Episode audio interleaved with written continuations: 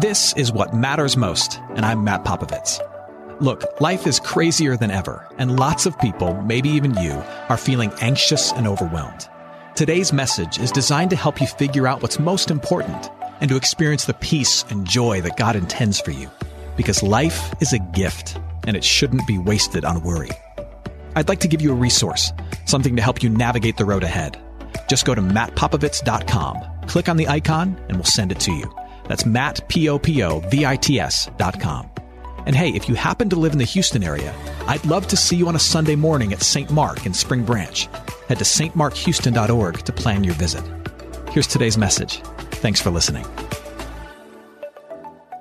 We take the greatness of this world for granted, don't we? I mean, the beauty of it, the complexity of it, the generosity of this planet towards us, we, we easily and often overlook it. I mean, sure, there are moments like when you're on family vacation, standing at the rim of the Grand Canyon, where your jaw drops with awe and it hits you how magnificent of a place this planet really is. But, but most of the time, we just overlook it. Like right now, for example, as you sit here in church and pay attention to me and sneak looks at your phone, I know how it works. It, it seems as though you are sitting here. In my case, I'm standing here, but that's, that's really not all that's happening. You know, this planet is spinning at a thousand miles an hour right now. Meaning over the course of 24 hours, this whole thing with us on it is going to do a giant 360.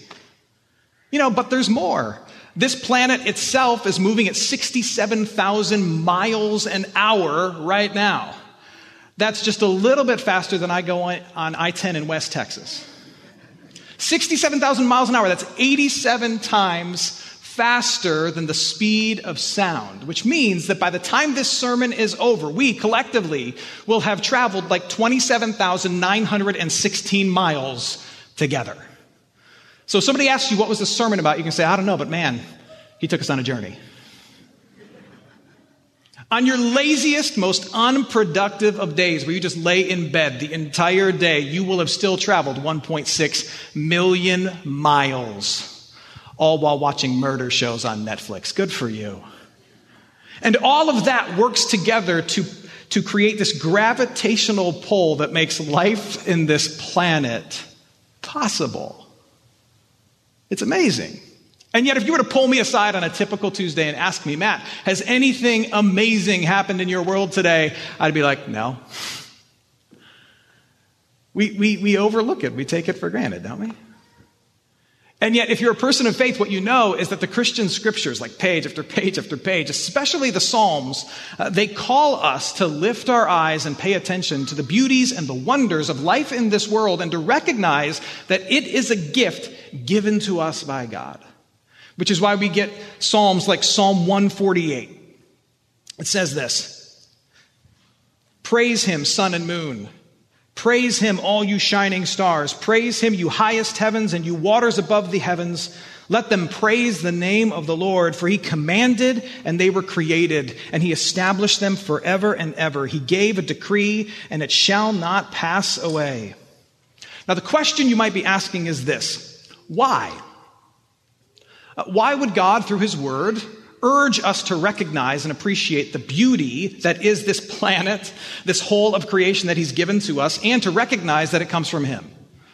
Why does He urge us to do this? Is God some kind of like grand cosmic narcissist who needs constant affirmation and attention? Is that the deal? No, it's not for His good, it's for our good. You see, what God is trying to do in getting us to recognize the beauty of creation and that it all comes from Him, He's trying to awake, uh, awaken a sense in us of His providence for us.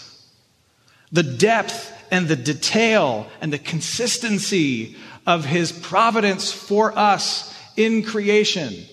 He wants to awaken in us an understanding that He is constantly giving and providing for us in every moment, in every day, in every single thing. 500 years ago, a, pastor named Martin was trying to teach families in Europe the basics of the Christian faith. And so he created this thing uh, that we call a catechism. And it, it's filled with teachings on things like, like the Ten Commandments, uh, the Apostles' Creed, uh, the Lord's Supper. And it's intended for families to be able to, to teach one another what it is Christians believe. And in his section on the Apostles' Creed, he, he looks at the, the first line I believe in God, the Father Almighty, maker of heaven and earth. And he offers an explanation of what it means to believe that, to confess that, that God is the maker. Listen to his explanation. I think this is helpful. He writes, What does this mean? I believe that God has made me and all creatures, that he has given me my body and soul, eyes, ears, and all my members my reason and all my senses, and still takes care of them. He also gives me clothing and shoes, food and drink, house and home, wife and Wi-Fi, and children and phones. He didn't write, but if he did today, that would definitely be in there. Land, animals, cars, and all that I have. He richly and daily provides me with all that I need to support this body and life. See, he not only gives me my body and my life in this world, he gives me everything I need to support it. He defends me against all danger and guards and protects me from all evil. All this he does out of fatherly divine goodness and mercy without any merit or worthiness in me. For all that is, for all that, for all this, it is my duty to thank and to praise, serve and obey him. What does it mean to confess that God is the maker of all that you see and enjoy? It is to confess that he is the provider who meets all of your needs and more. Now, I want you to catch the linear progression of this thinking. Why does God call us to recognize the greatness of the world that we live in and the fact that He has given it to us? It's because He wants to awaken an awareness of His constant providence and care for us. But it doesn't end there. When your eyes are open to the providence of God, the result is then in your heart peace that comes from God. Open your eyes and see his providence, constant and overwhelming. And when your eyes grasp the providence of God, your heart is filled with peace from God. And that's God's end game. He, he wants your heart to be filled with peace as you fly through this universe at 67,000 miles an hour. Because you know, like I do, that our peace is easily shaken, stirred, or outright stolen. And so God says to us, Look, I want you to take note of the breeze on your neck. I want you to be aware of the birds in the sky. I want you to appreciate the bluebonnets in the field. I want you to eat some crawfish, mow your lawn, and then give me praise. Why? Because I need it? No, because your restless and easily frightened heart needs to know at every turn, every moment of every day that I'm the great provider. I provide, I provide, I provide. Which stirs in me a question for you. What's threatening your peace right now? I mean, there's always something, right? Is, is it a financial thing? Maybe it's a, it's a work thing or a relationship thing. I mean, it's always something. So, what is it for you? What I want you to do is, is picture that thing that's threatening to, to stir, to shake, or steal your sense of peace and joy in this world. And I want you to imagine just kind of holding it in your left hand. Just holding it there, whatever that thing is. And there's always something. But then, as you hold this in your left hand, I want you to open up your right hand and I want you to put something in it. In fact, I want you to place two things in it connected to what we're talking about this morning. Uh, the first thing that I want you to place in your other hand is this I want you to open your eyes to the fact that all of the providence of God, the whole of creation, everything that He gives to us, everything that He offers to us and regularly sustains for us, everything that He's made and gives and sustains, all of His providence is unprovoked. Hold that truth in this other hand. The providence of God is unprovoked. Everything that we see and enjoy is unearned and unasked for. Creation is pure grace. We didn't earn it. We didn't ask for it. God just gives it. Every single morning, the sun rises. Every morning, He gives grace after grace. You know why it says His mercies are new every morning? One of His mercies is the morning itself and the fact that all of creation is still sustained by his hands and he offers everything to us each and every day. His mercies are new every morning. Creation itself is grace. The providence of God is completely unprovoked. Lisa and I, on Tuesday, we will celebrate 19 years of marriage. And uh, over the course of 19 years of being married, uh, we've developed a, a, really good kind of understanding of, of responsibilities kind of in the home that we've, we've built together. There are certain things that I tackle and take on, certain things that she tackles and take on, and together we conquer the world.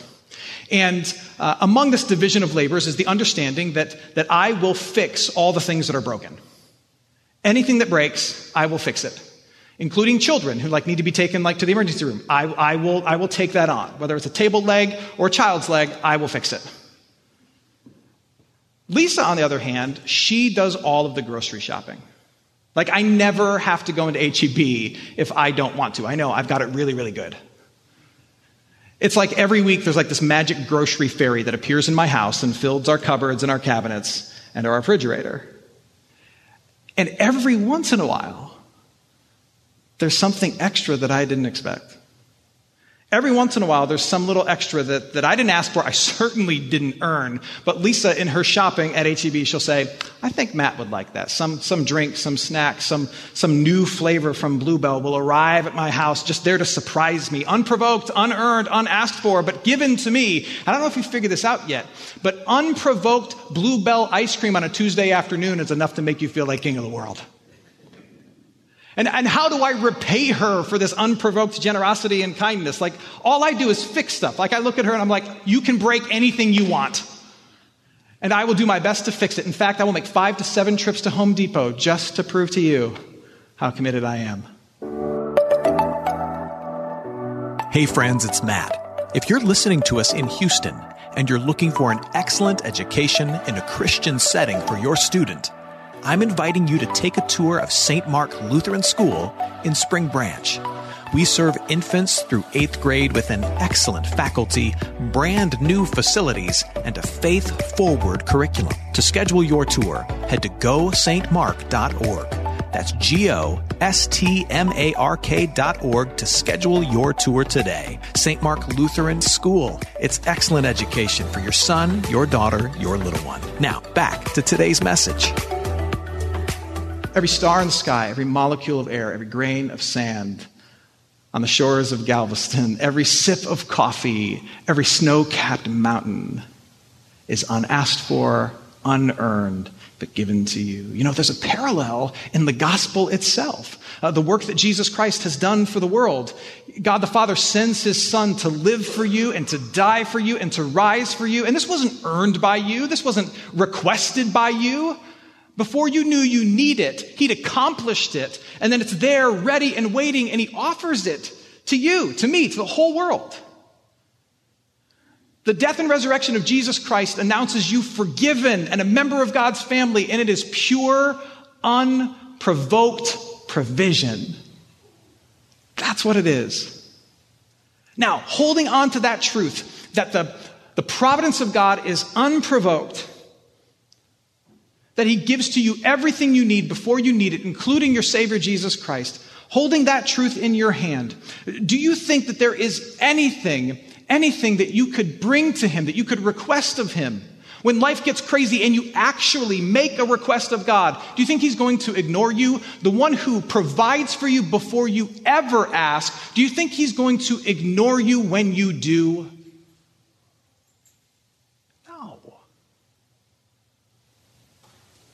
He's the provider. Now, I've got, I've got more for this hand. Not only is the providence of God unprovoked, but it is, to say the absolute least, it is overwhelming in its scale. The size, the complexity, the generosity of what God gives is impossible to wrap our minds around, but it's worth a shot. I mean, you heard Dr. Roberts saying that, that every tree itself, every tree itself, is a, is a sign, a symbol, a declaration of God's generosity. That everything from the sapling that you just dropped in your backyard to the 3,200 year old sequoia in California, they are all producing more than they need. What's the excess for? It's not accidental. It's God providing through every leaf, through every limb for you, for me, for us, for this whole thing. it, it is overwhelming in its scale. I mean, think for a second about what, what astrobiologists call the Goldilocks principle. The fact that, that our planet sits at a precise distance from the sun, at a precise angle, and that, along with what scientists say are about 15 other constant and finely tuned factors that hold our galaxy, our solar system, and particular our planet in place in such a way that life is possible. Even Stephen Hawking himself, in his famous tome, he said that the the precision and the care that is exhibited in our universe demands that there be a creator. Now, ultimately, he doesn't believe in one, but even he says, you look at it and go, Some, somebody probably made it. I don't think anybody did, but it's understandable to come to that conclusion. Or think about the fact that within just our little planet, this this aspect of God's grand creation, there is energy and capacity and possibility built into this thing that we've, we've, I think, probably only begun to scrape the surface of. Like all of our food, all of our clothes, all of our technology is derived from the stuff of this planet. And since we're sitting here in Houston, we have to recognize, like, we're able to, to, to energize this entire planet from the oil that we bring from the ground, right? I mean, that's incredible. Which reminds me, last weekend I officiated a wedding. And both the husband and wife work in oil and gas, and they didn't have a cake at the wedding. Instead, they had cookies, and on the cookies it said, Make oil $80 a barrel again. That was the cookie at their wedding. Every single thing that you see, every molecule of air, all of it, all of it is a sign of God's overwhelming provision, every aspect of it. Uh, this is why David in the Psalms, after examining creation, he says something like this. He says, O Lord, our Lord, how majestic is your name in all the earth. Everything you see declares that God is mightier, more magnificent, and more generous than you can even begin to fathom. And again, there's a parallel here to the gospel itself, to the work of Jesus. Uh, what we're told and what we believe by faith is that the death of Jesus Christ on the cross is enough to pay for the sin of every person for all time. It's enough to pay for every sin for every person for all time. The scale of that provision is impossible for us to wrap our minds around. Through the life, death, and resurrection of that one man, the Son of God, Jesus Christ, flows forgiveness without end for every person forever. Now, holding that in this hand as well, holding that in this hand as well, do you think that there is a problem that you could present to our God? An issue, a hurt, a hang up, some secret horrible sin that you could present to Him that he will not be able to answer, to meet, to resolve with both precision and power. Is there anything that you could hand to this God who provides an overwhelming scale that he would shrug his shoulders at and be like, ah, I'm stuck. I got nothing for you? No, his power and his mercy and his goodness will flow even into that. Now, now, what's important is you've got these two hands, right? In one hand, you've got that that thing that is nipping at your heels, trying to steal your peace. And there's always something. You're holding on to whatever that thing is. And then in the other hand, you have the unprovoked and overwhelming providence of God. Now, what you're called to do is this take this hand and this hand, and you bring them together. And you hold both of these things in your hands the anxieties, the fears that you have, and the unprovoked and overwhelming provision of God as seen in every atom, every molecule that exists in this world. You hold these things together. And the funny thing is that when you hold both these things together, you are in a perfect position to do what? To pray. To lift these hands that clutch both your fears and the truths of God's provision to lift these hands and your hearts up to heaven and to say, Lord, this is what's got me worried. This is what has me anxious. This is the problem that I can't solve. And also, I know that you give me the breath in my lungs, the ground beneath my feet, the wind at my back, everything. You give everything, every moment, every day, all I see. Here's my worry. And I know you provide all I need. Provide, me with peace. And then watch what happens.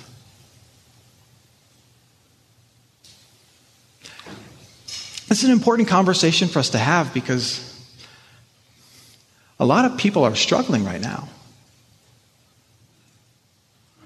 A lot of people of faith are, are, struggling, like, like spiritually right now, after all the stuff we've gone through and continue to go through. Like, like there are many who feel like the peace that's supposed to come from God is a foolish thing to believe in because they don't feel it, they haven't felt it for a long time, they have no idea where to get it from.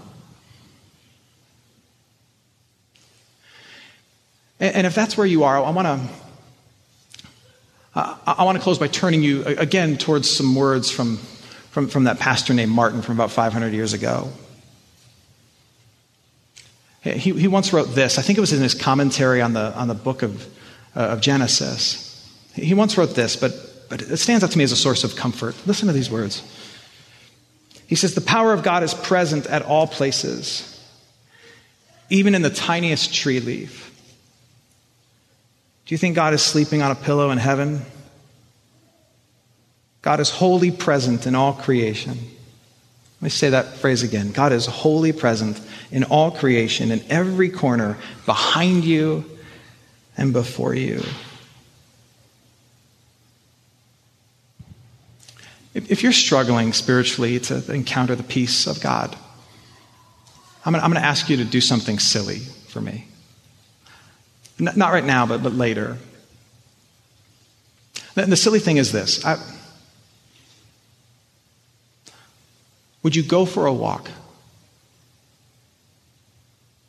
Like a long walk, where, where you, leave, um, you leave your cell phone and your, and your AirPods and all of that back at the house, and you just go for a long walk, be in your neighborhood, wherever. Just go for a long walk. And as you walk, keep your eyes open and your ears open, and just take note of all the things that you see and hear the bird chirping, the concrete beneath your feet, the neighbor mowing his lawn, the humidity in the air, more humidity in the air, cars going too fast in your neighborhood. There's kids who live here.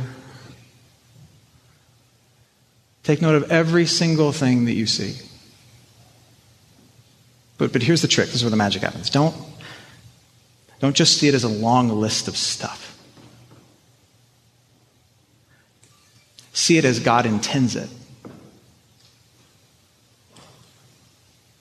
See it as proof. Proof of His provision. Everything you take note of, it's not just a bird, it's not just humidity, it's not just a breeze at your back. What it is, is God provides. God provides. God provides. God provides. God provides. And then at the end of your walk, ask yourself, ask yourself this question if God provides all that I see and his son Jesus Christ to forgive my sins and secure my future, am I going to be okay?